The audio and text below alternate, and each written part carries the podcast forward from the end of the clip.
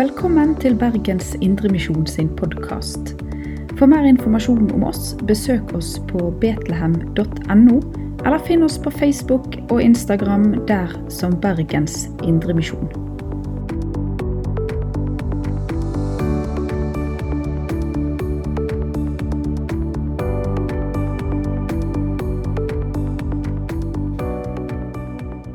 Kjekt å se dere. Det er et tema som er ganske utfordrende, som de fleste av disse temaene vi har i denne serien. Og eh,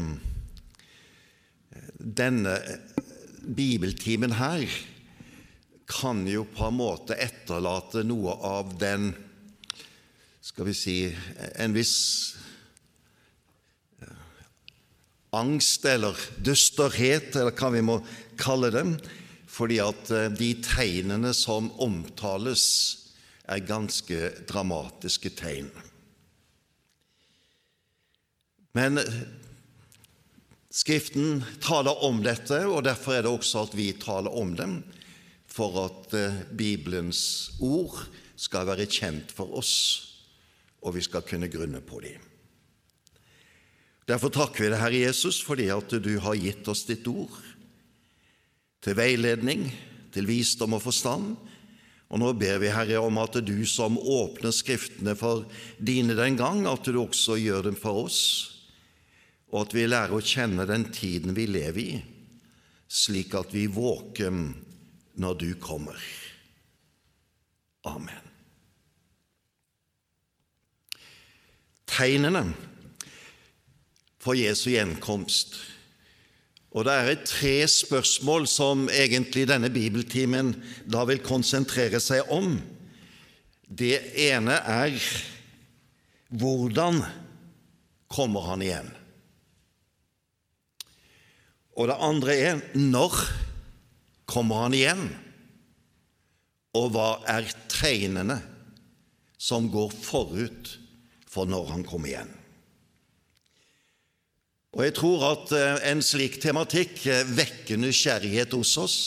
Det har de iallfall gjort gjennom hele Kirkens historie. Og spørsmålene som er reist, er besvart og søkt besvart på mange forskjellige måter. Og det er ikke til å komme forbi at også mye av det som ligger innenfor denne temakrets, har vært gjenstand for spekulasjon. Og en spekulasjon som da har skremt noen, og som har gjort at disse sidene ved Guds ord sjelden eller aldri blir tatt frem. Det som er en prøve i disse bibeltimene, og jeg tror for så vidt de andre som også har, det er at vi prøver å komme så tett på den bibelske tekst som mulig for at den skal danne plattformen for det vi tenker og det vi sier, og fremfor alt når vi prøver å anvende disse tingene på vår egen tid, eller den tid som kommer. Og det er noen tekster som skiller seg ut, og som er hovedtekstene for det jeg kommer til å si. Og det er altså det vi kaller Jesu endetidstale som er fyldigst gjengitt i Matteusevangeliet, hvor hun har det da fra kapittel 24 og 25. Så er det en rekke steder hos Paulus hvor han berører dem kortere eller lengre, og der, er, der han gjør det fyldigst, det er i eh, særlig i første og andre brev til menigheten i Tessalonika. Tekster derifra kommer vi til å stanse for. Og så er det 2. Peters brev, som i nesten hele kapittel 3 er opptatt med dette spørsmålet, på en bakgrunn som jeg også skal nevne etter hvert. Og til slutt så har vi Johannes' åpenbaring. Hele boken fra kapittel 4 og ut kapittel 22 berører jo det som skal skje heretter, som det da innledes med i denne delen av Johannes' åpenbaring. Hvis noen av dere leser Dagen for tiden, så vil dere se at det har vært litt debatt omkring akkurat de spørsmålene som vi nå tar opp. Og Vi fikk et innlegg for, ikke, eh, for noen dager siden, som, eh, og vedkommende har også skrevet ei, ei bok såpass stor på en 300 sider omkring Jesu gjenkomst og de siste tider. Han sier om Jesu avskjedstale, som jeg kommer til å sitere ganske mye fra, at den var en tale rettet imot det som skulle skje omkring år 70, da Jerusalem ble lagt i grus av den romerske hær, og folk måtte flykte ifra byen og senere også ifra landet. Altså en tekst som gjaldt for en bestemt situasjon i historien, som derfor ligger langt bak i vår tid og har altså ingen aktualitet i dag. Johannes' åpenbaring er på samme vis. Den ble skrevet på rundt omkring 90-tallet, hvor keiser Domitian rådde riket, det romerske riket, og forfulgte de kristne. Og eh, blant annet Johannes var selv plassert ute på øya Patmos under slike omstendigheter.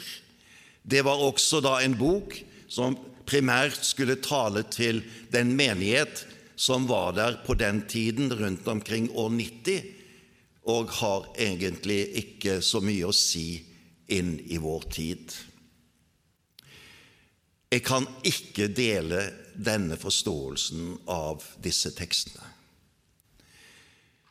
De har eh, en karakter som vi finner igjen i mye av de profetiske taler, også i Det gamle testamentet, når det tales om hva som skal skje i fremtiden.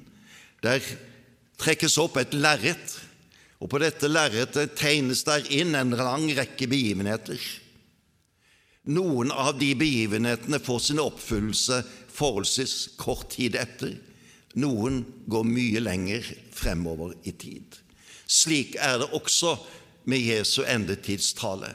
Det er noe som refererer seg til det skal, som skal skje i forbindelse med Jerusalems ødeleggelse, men de har så mange elementer i seg som sprenger den situasjonen som der kom, og som peker fremover imot det som egentlig hele teksten ender ut med, nemlig at det har med tiden for Jesu gjenkomst.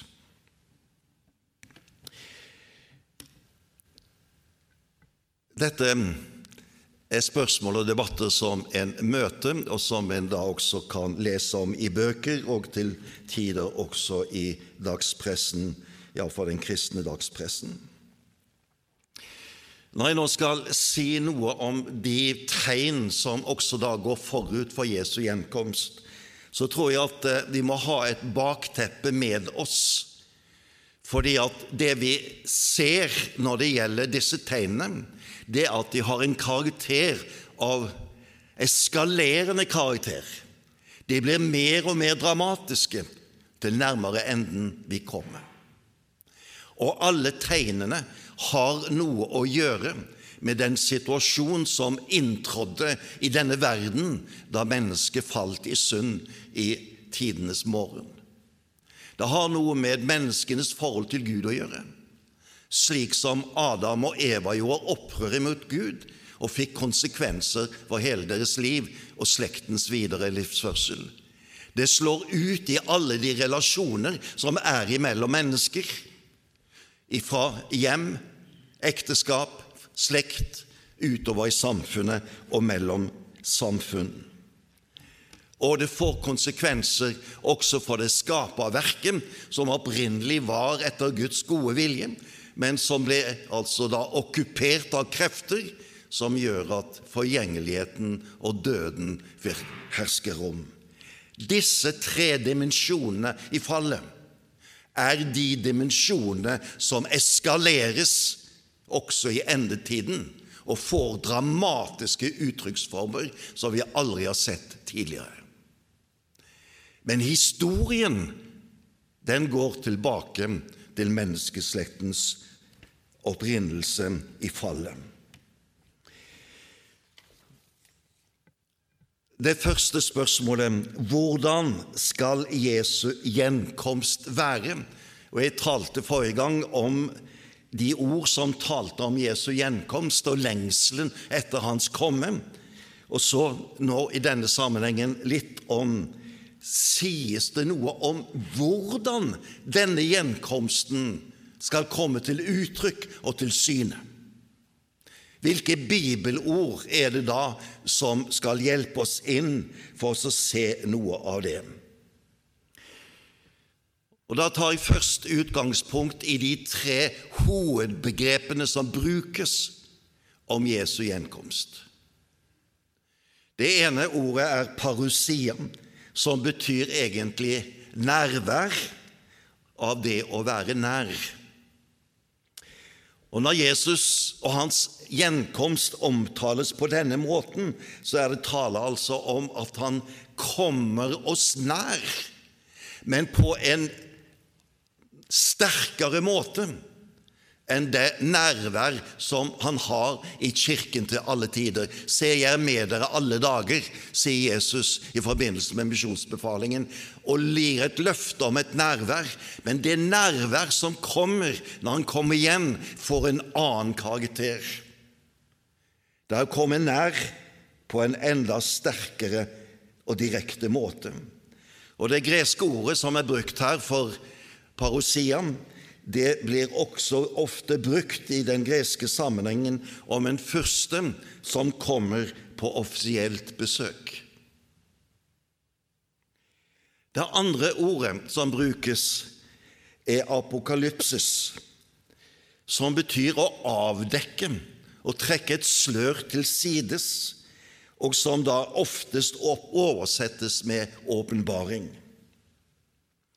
Det signaliserer at når Jesus kommer, så kommer han med en åpenbaring som gjør at vi får kjennskap til hemmeligheter og innsyn i forhold som hittil, inntil det tidspunkt, har vært skjult og utilgjengelig for oss.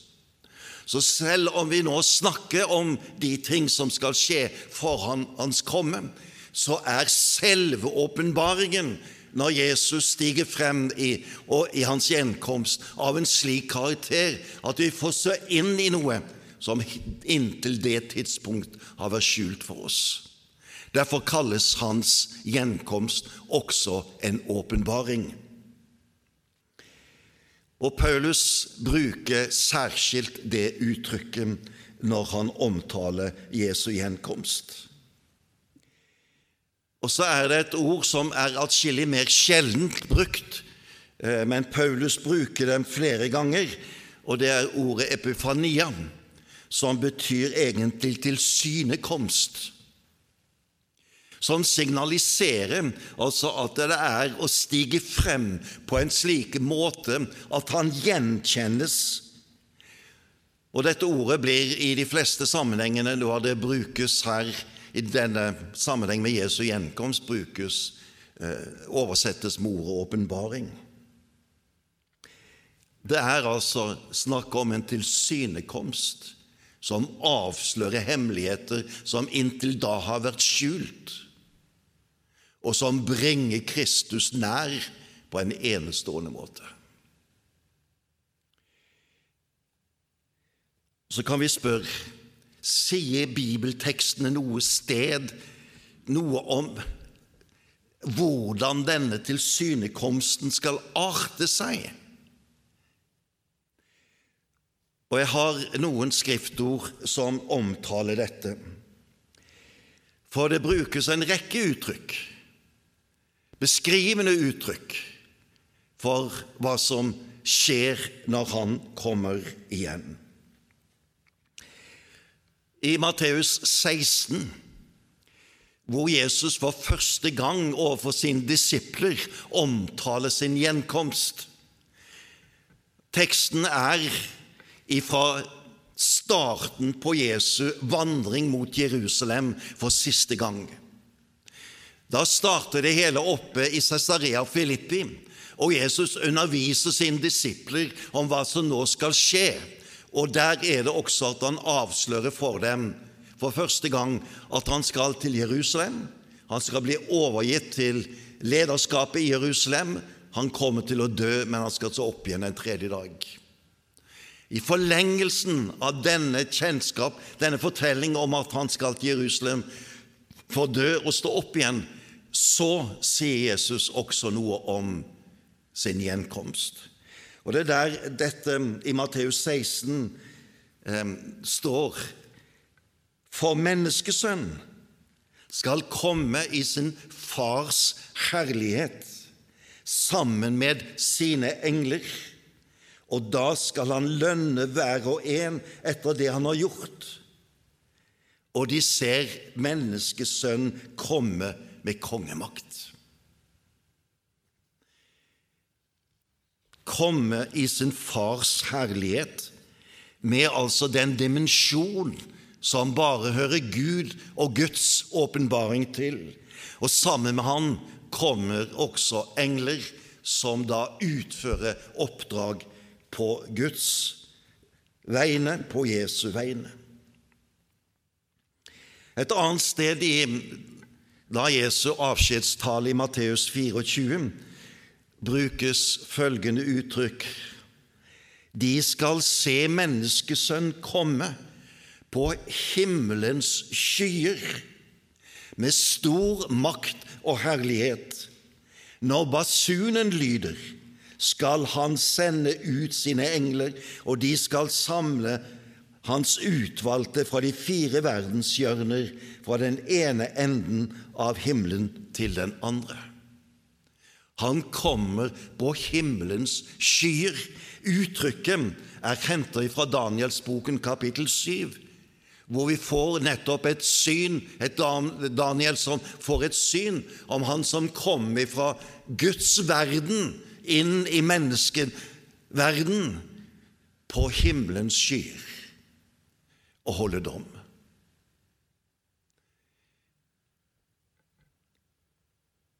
Et annet uttrykk fra Jesu avskjedstale er en sammenligning med lynet.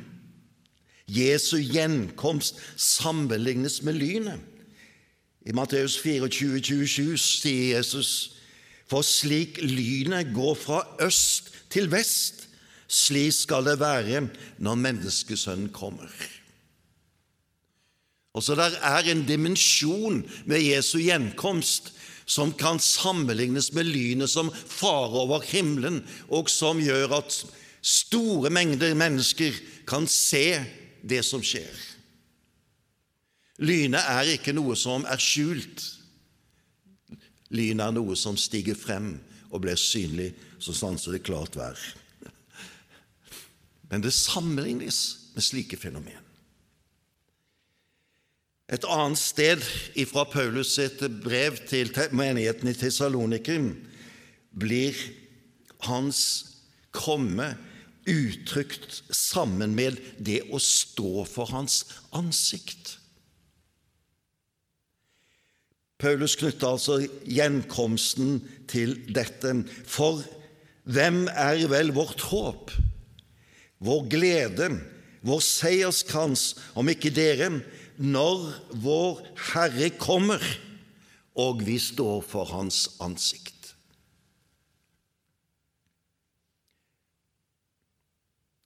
Den dagen Han kommer, inntrer også et skille i verden.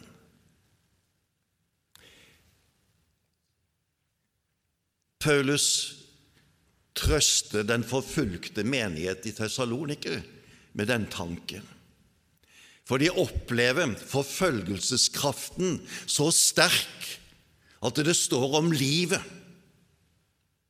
Og så reiser spørsmål hvilken fremtid har vi i en verden hvor forfølgelsen er så sterk?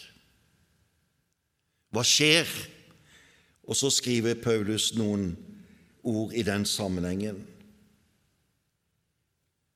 Når Jesus åpenbarer seg fra himmelen sammen med sine mektige engler i flammende ild og straffer dem som ikke kjenner Gud, og den som ikke er lydig mot vår Herres Jesu evangelium. Den dagen han kommer for å bli lovprist blant alle sine hellige og hylles av alle som tror.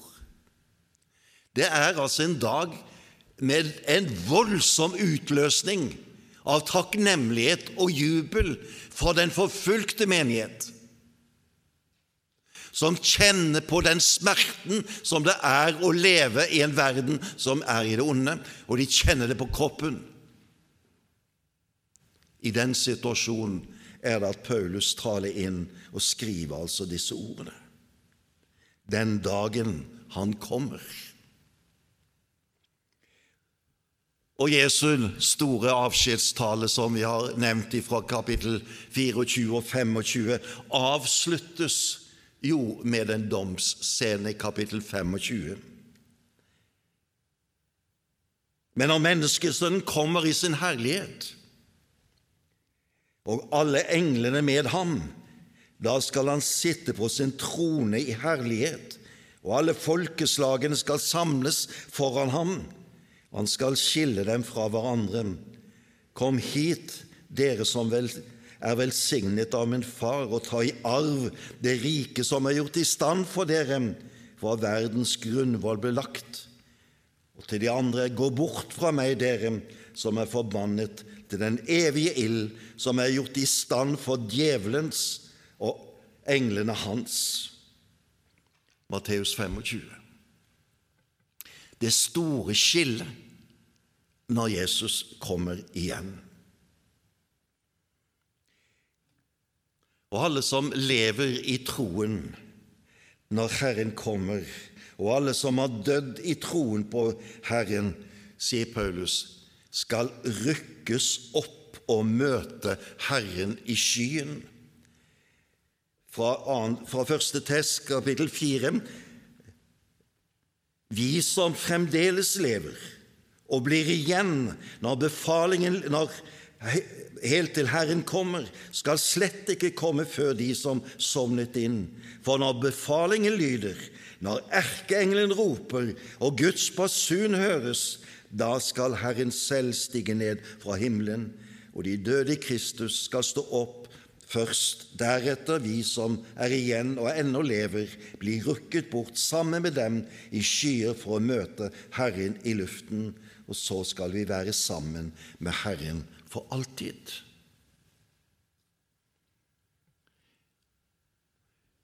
Ulike uttrykk og beskrivelser for hvordan selve gjenkomsten skal erfares og bli kjent. Det innebærer at han kommer til syne på en spesiell måte. Hvordan det skal skje, det antydes, men fortsatt vil det være av åpenbaringskarakter som gjør at her er det ting som i dag er skjult for oss men som da skal åpenbares og bli kjent. En ytterligere konkretisering utover det som disse ord og uttrykk i Skriften gir oss, tror jeg er vanskelig, og vi må på en måte si at der, her er sider som vi ikke helt forstår og kan beskrive. Når skal så dette skje? Tidspunktet. Det har jo alltid fascinert å kunne beregne seg frem til tiden når dette skal skje. Og vi har mange eksempler opp gjennom historien på slike beregninger.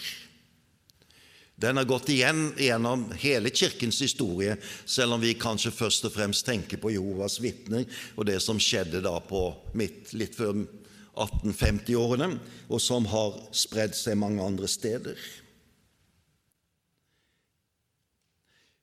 Spørsmålet fascinerer. Spørsmålet utfordrer. Og det er mange av oss som skulle gjerne hatt mer kunnskap og innsikt og kunne bestemme denne tid. Og disiplene, de var også nysgjerrige og ville gjerne vite.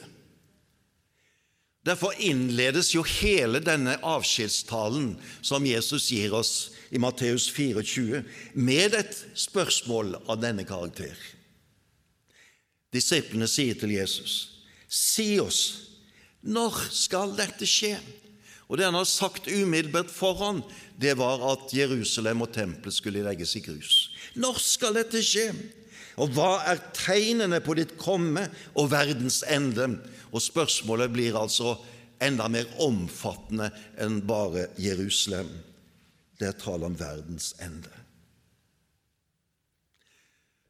Hva svarer Jesus?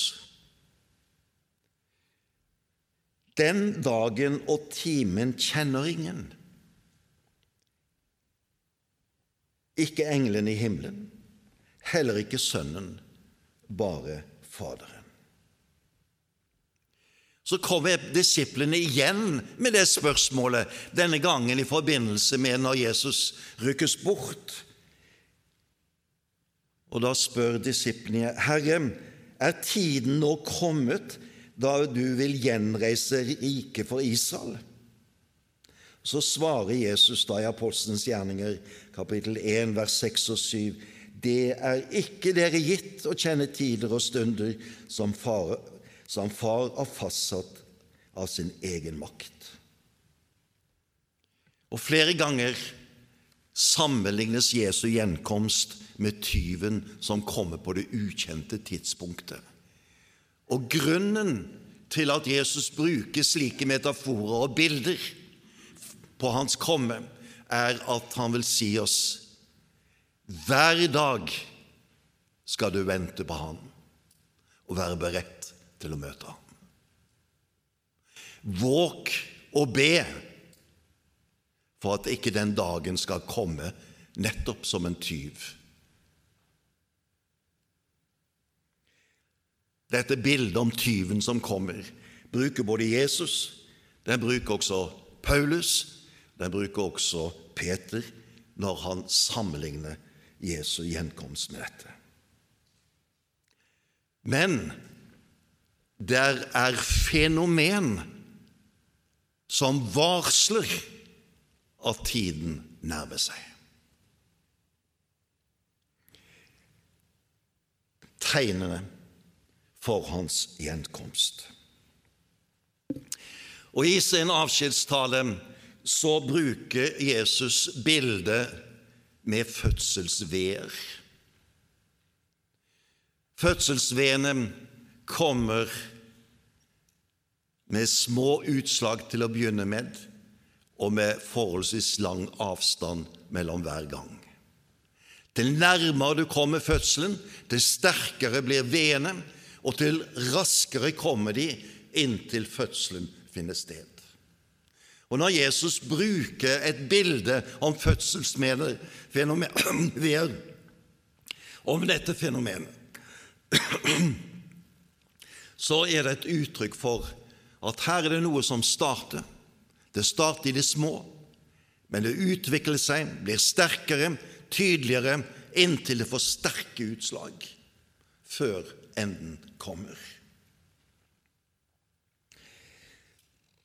Hva er så det Jesus, Paulus, Peter og Johannes peker på som tegn som går forut?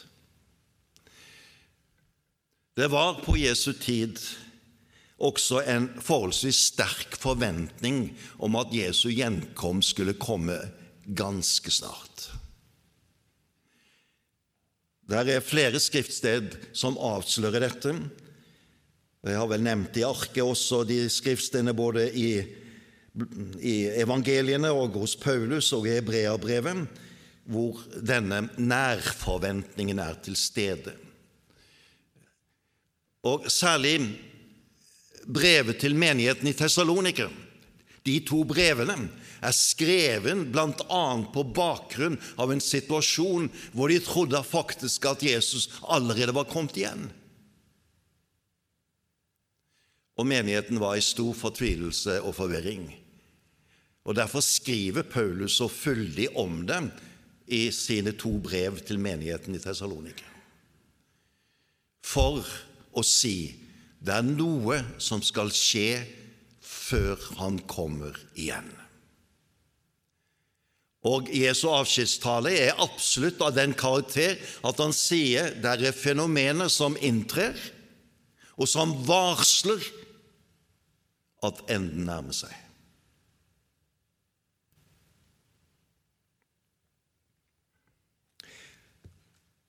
Og Jeg nevnte vel det også sist i samtalen, at når Peter skriver om dette i sitt annet brev, så har det bl.a. bakgrunn i at folk var begynt å gjøre narr av den kristne menighet.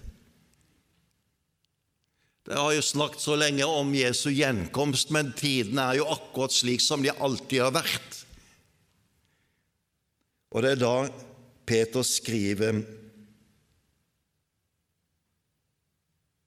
i kapittel 3, og jeg siterer litt Hånlig sier dere, hva med løftene om hans gjenkomst? Fedrene våre er døde, men alt som er, alt er som det har vært for skapelsen av. På det svarer da Peter, men én ting, mine kjære, må dere ikke glemme. For Herren er en dag som tusen år, og tusen år som en dag. Herren er ikke sen med å oppfylle sine løfter, som noen mener. Nei, han er tålmodig med dere. For han vil ikke at noen skal gå fortapt, men at alle skal nå frem til omvendelse. Hans tålmodighet, eller det gamle uttrykket langmodighet, er med på å utsette Jesu gjenkomst for at misjonen skal nå til alle folkeslag, og de som er kalt og skal utgjøre hedningens fylde, skal komme inn.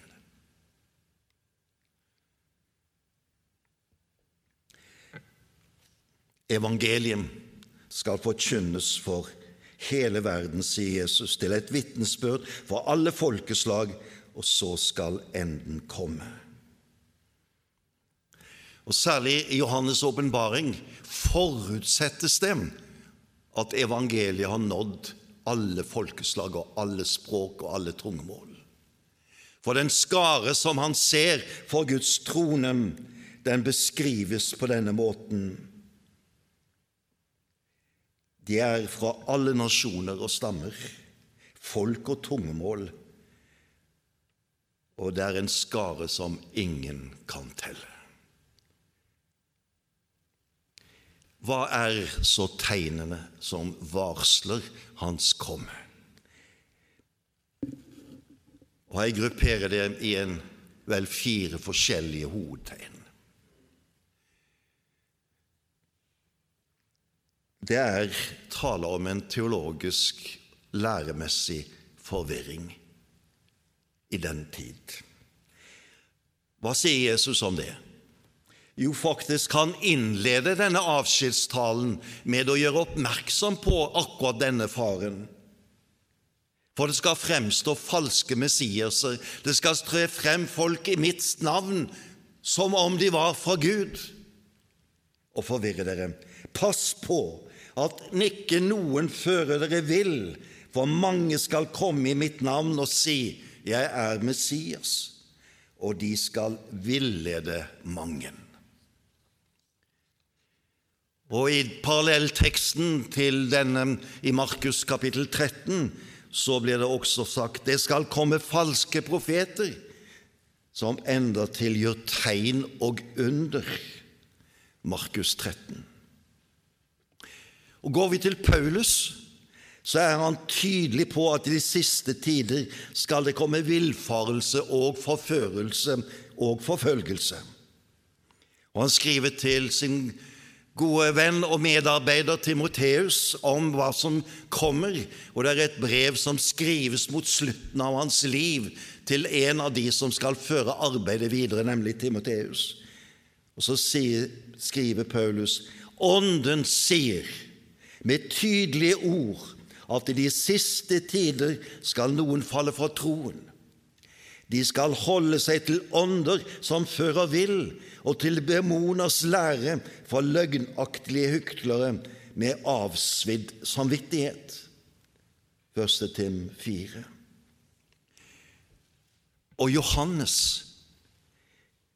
snakker om antikristens ånd, som allerede er der før selve antikrist stiger frem. Dette omtaler han både i sitt første og i sitt annet brev. Men enhver ånd som ikke bekjenner Jesus, er ikke av Gud. Det er ånden til Antikrist, som dere har hørt skal komme, og den ånd er allerede i verden. Og skildringen i Johannes' åpenbaring intensiverer den teologiske forvirringen. Da trer dyret og den falske profet frem, og du kan lese hele teksten i Johannes' åpenbaring kapittel 13, som beskildrer dette. Og sammen skal dyret og den falske profet legge unna seg hele verden, og de skal gjøre tegn og under og kreve tilbedelse av dyret.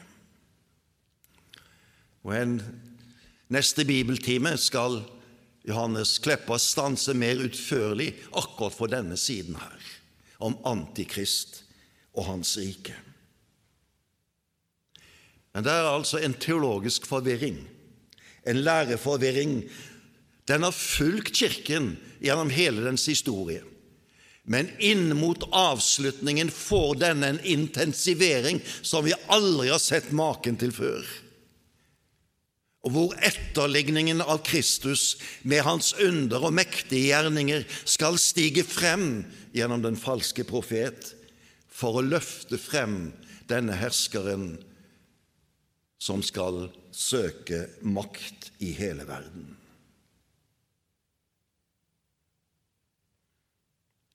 Det er en tid preget av forførelse og forfølgelse.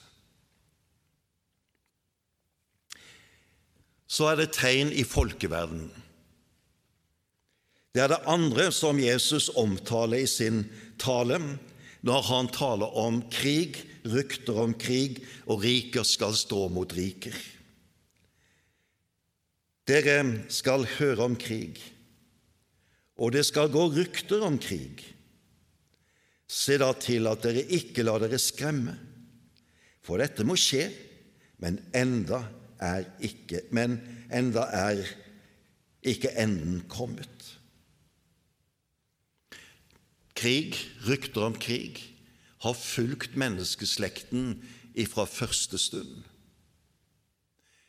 Men igjen er det tale om en intensivering av dette fenomenet. Og Denne intensiveringen er fremfor alt utdypa i Johannes' åpenbaring. Johannes' åpenbaring har en struktur, en oppbygning, som dere kan legge merke til. Det er tale om syv seil. Det første seilet, når det lammet åpner dem, så får vi altså den hvite hesten, og de fleste vil si at det taler om Guds rike som brer seg i verden. Når det andre seilet åpnes, så er det et annet fenomen som trer frem. Da lammet brøt til andre seilet, hørte jeg den andre skapningen rope 'Kom!' Og det kom en annen hest, som var flammende rød. Han som satt på den, fikk makt til å ta freden bort fra jorden, og folk skulle slakte hverandre ned og det ble gitt ham et stort sverd. Det fenomenet som da omtales på denne korte måten i det andre seilet, det som kommer etterpå, der er syv seil. Når det syvende seilet åpnes, så er det som om det er et nytt rom eller bolig som åpnes for oss, for da går tekstene over til å tale om de syv basuner. Og de syv basunene er med på å intensivere de fenomen som trer frem på arenaen. Guds reaksjon på disse fenomenene er omtalt i Johannes' åpenbaring som syv vredeskåler som møter disse fenomenene med Guds reaksjon. Og så får vi en beskrivelse om hvordan Gud møter disse fenomenene. I den sjette basun, altså av de syv basunene, i den sjette basun så skildres stor, en stor krigsscene hvor tusener på tusener er involvert, og hvor de har dødelige våpen som spyr ut ild, røyk og svovel, og en tredjedel av menneskeslekten ble drept. Dette var skreven på 90-tallet etter Kristus, hvor slike fenomen ikke var til stede i det maskineri, krigsmaskineri som romerne og andre rådde over. Men i vår tid er slike krigsfenomen velkjent. Og det er ingen av oss som trenger å tvile på at i en innbitt krig som favner det meste av menneskeslekten, så er det fenomen i krigens virkelighet som er så brutale og så dødsødeleggende at en tredjedel av menneskeslekten blir utsletta. Den sjette basun. Og i omtalen av det som heter den sjette vredeskålen i Johannes' åpenbaring 16, skildres det hvordan dyret og den falske profet har samlet kongene på jorden til et siste og avgjørende slag mot Gud og hans folk på jorden. Demoniske krefter trer i funksjon for å samle alle til krig. Og der står det Og jeg så at ut fra dragens og dyrets og den falske profetens munn kom det tre urene ånder som lignet frosker. Dette er demoniske ånder som gjør underfulle tegn. De drar ut til kongene i hele verden for å samle dem til krigen på Guds, den allmektige, store dag. Og så reagerer Gud mot det fenomen, og det får sin avslutning.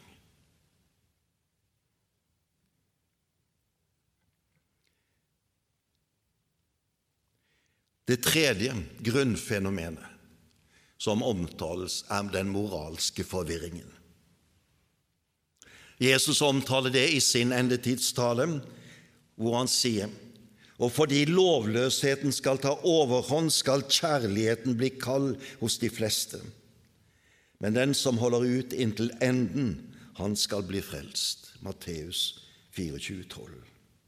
Og Paulus utdyper dette nettopp i sitt brev til menigheten i Tessalonike, hvor han sier lovløsheten virker allerede med sin kraft, men i hemmelighet. For han som ennå holder igjen, må først rykkes av veien. Da skal den lovløse åpenbares. Han som Herren Jesus skal utrydde med pusten fra sin munn og tilintetgjøre den dagen han kommer i sin herlighet. Og til sin venn Timoteus skriver han på slutten av sitt liv. Han sitter som fange i Rom og annet brev til Timoteus er sannsynligvis fra det vi kaller Jesus, Paulus sitt andre fangenskap i Rom, hvor det går mot slutten på hans liv. Da skriver han dette brevet til sin venn Timoteus. Og der sier han Du skal vite at i de siste dager skal det komme vanskelige tider.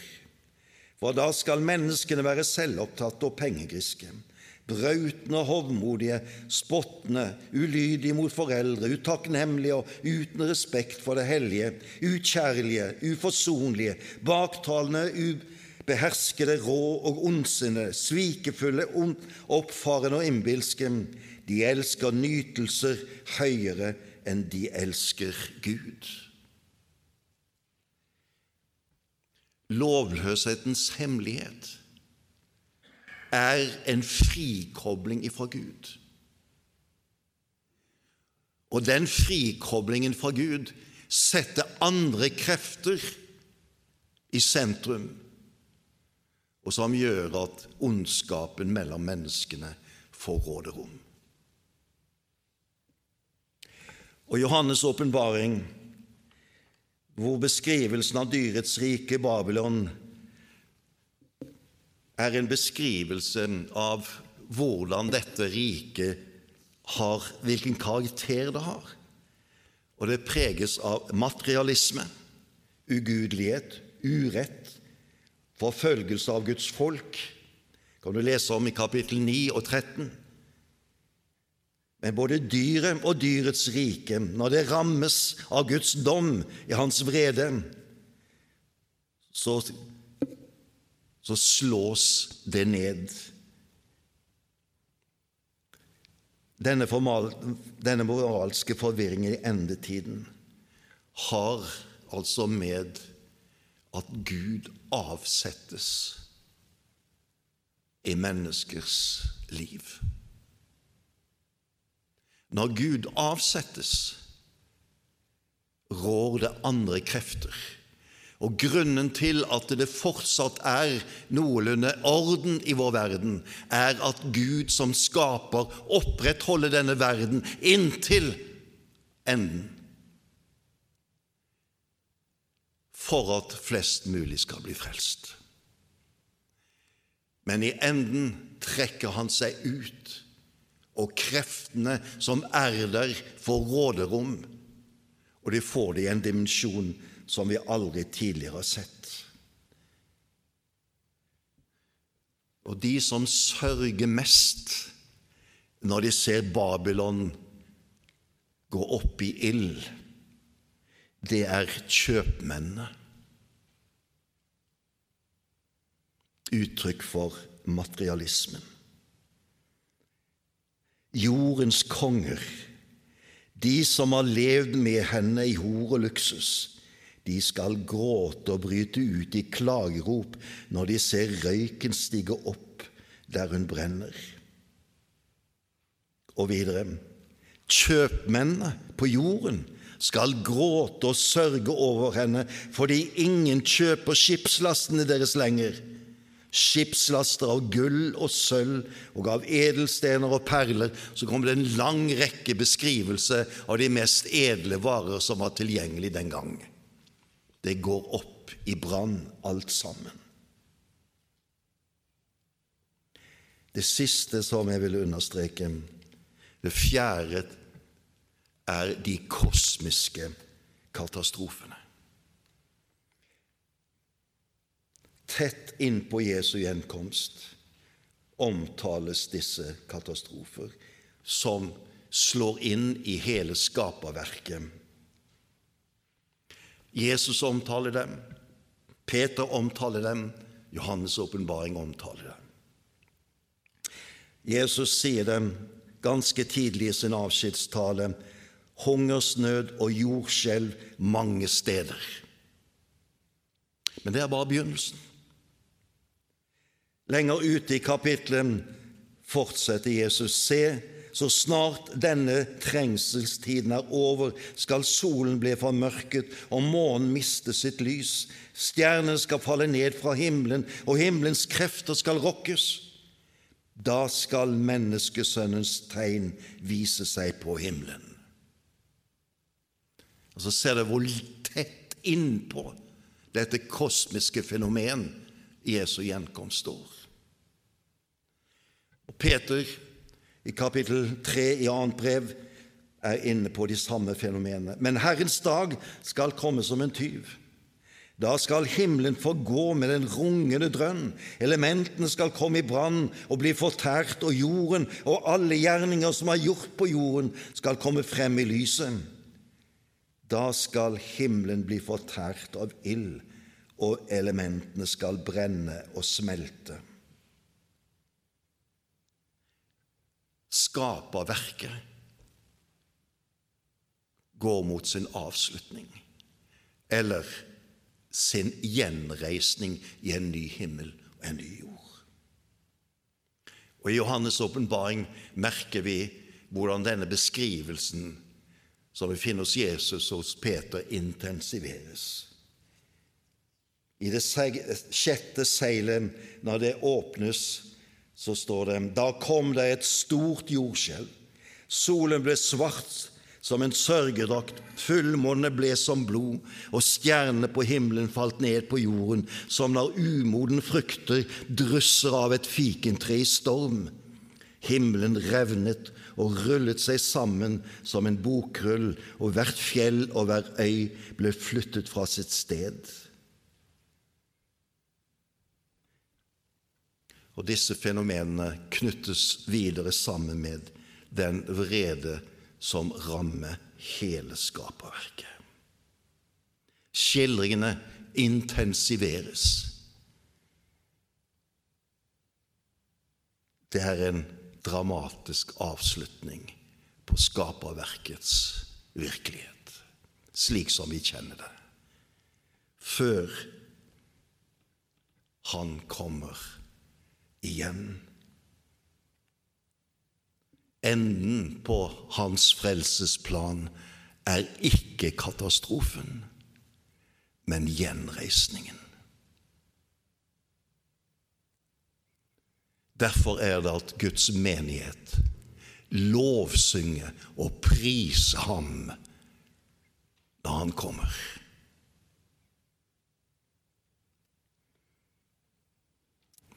Slike skildringer som vi nå har lest, og nå har jeg holdt meg voldsomt tett til selve bibelteksten, er skremmende.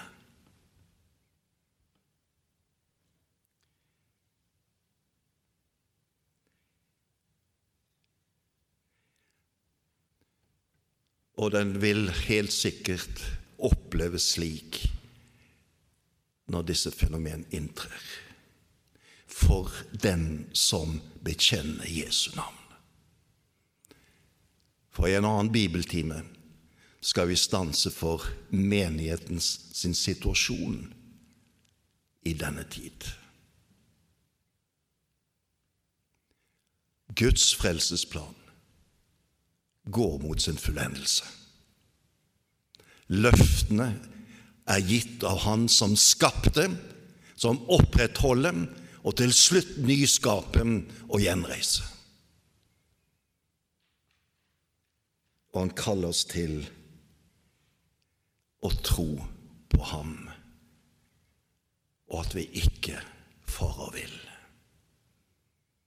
Herre Jesus. Vi lengter etter den dag da du skal komme. Da alt skal settes i sin rette orden igjen, Herre. Da det ikke er noen død, ingen smerte, ingen skrik, ingen krig, ingen sult, ingen nød. Vi venter og sier 'Kom, ja, kom snart'. Amen.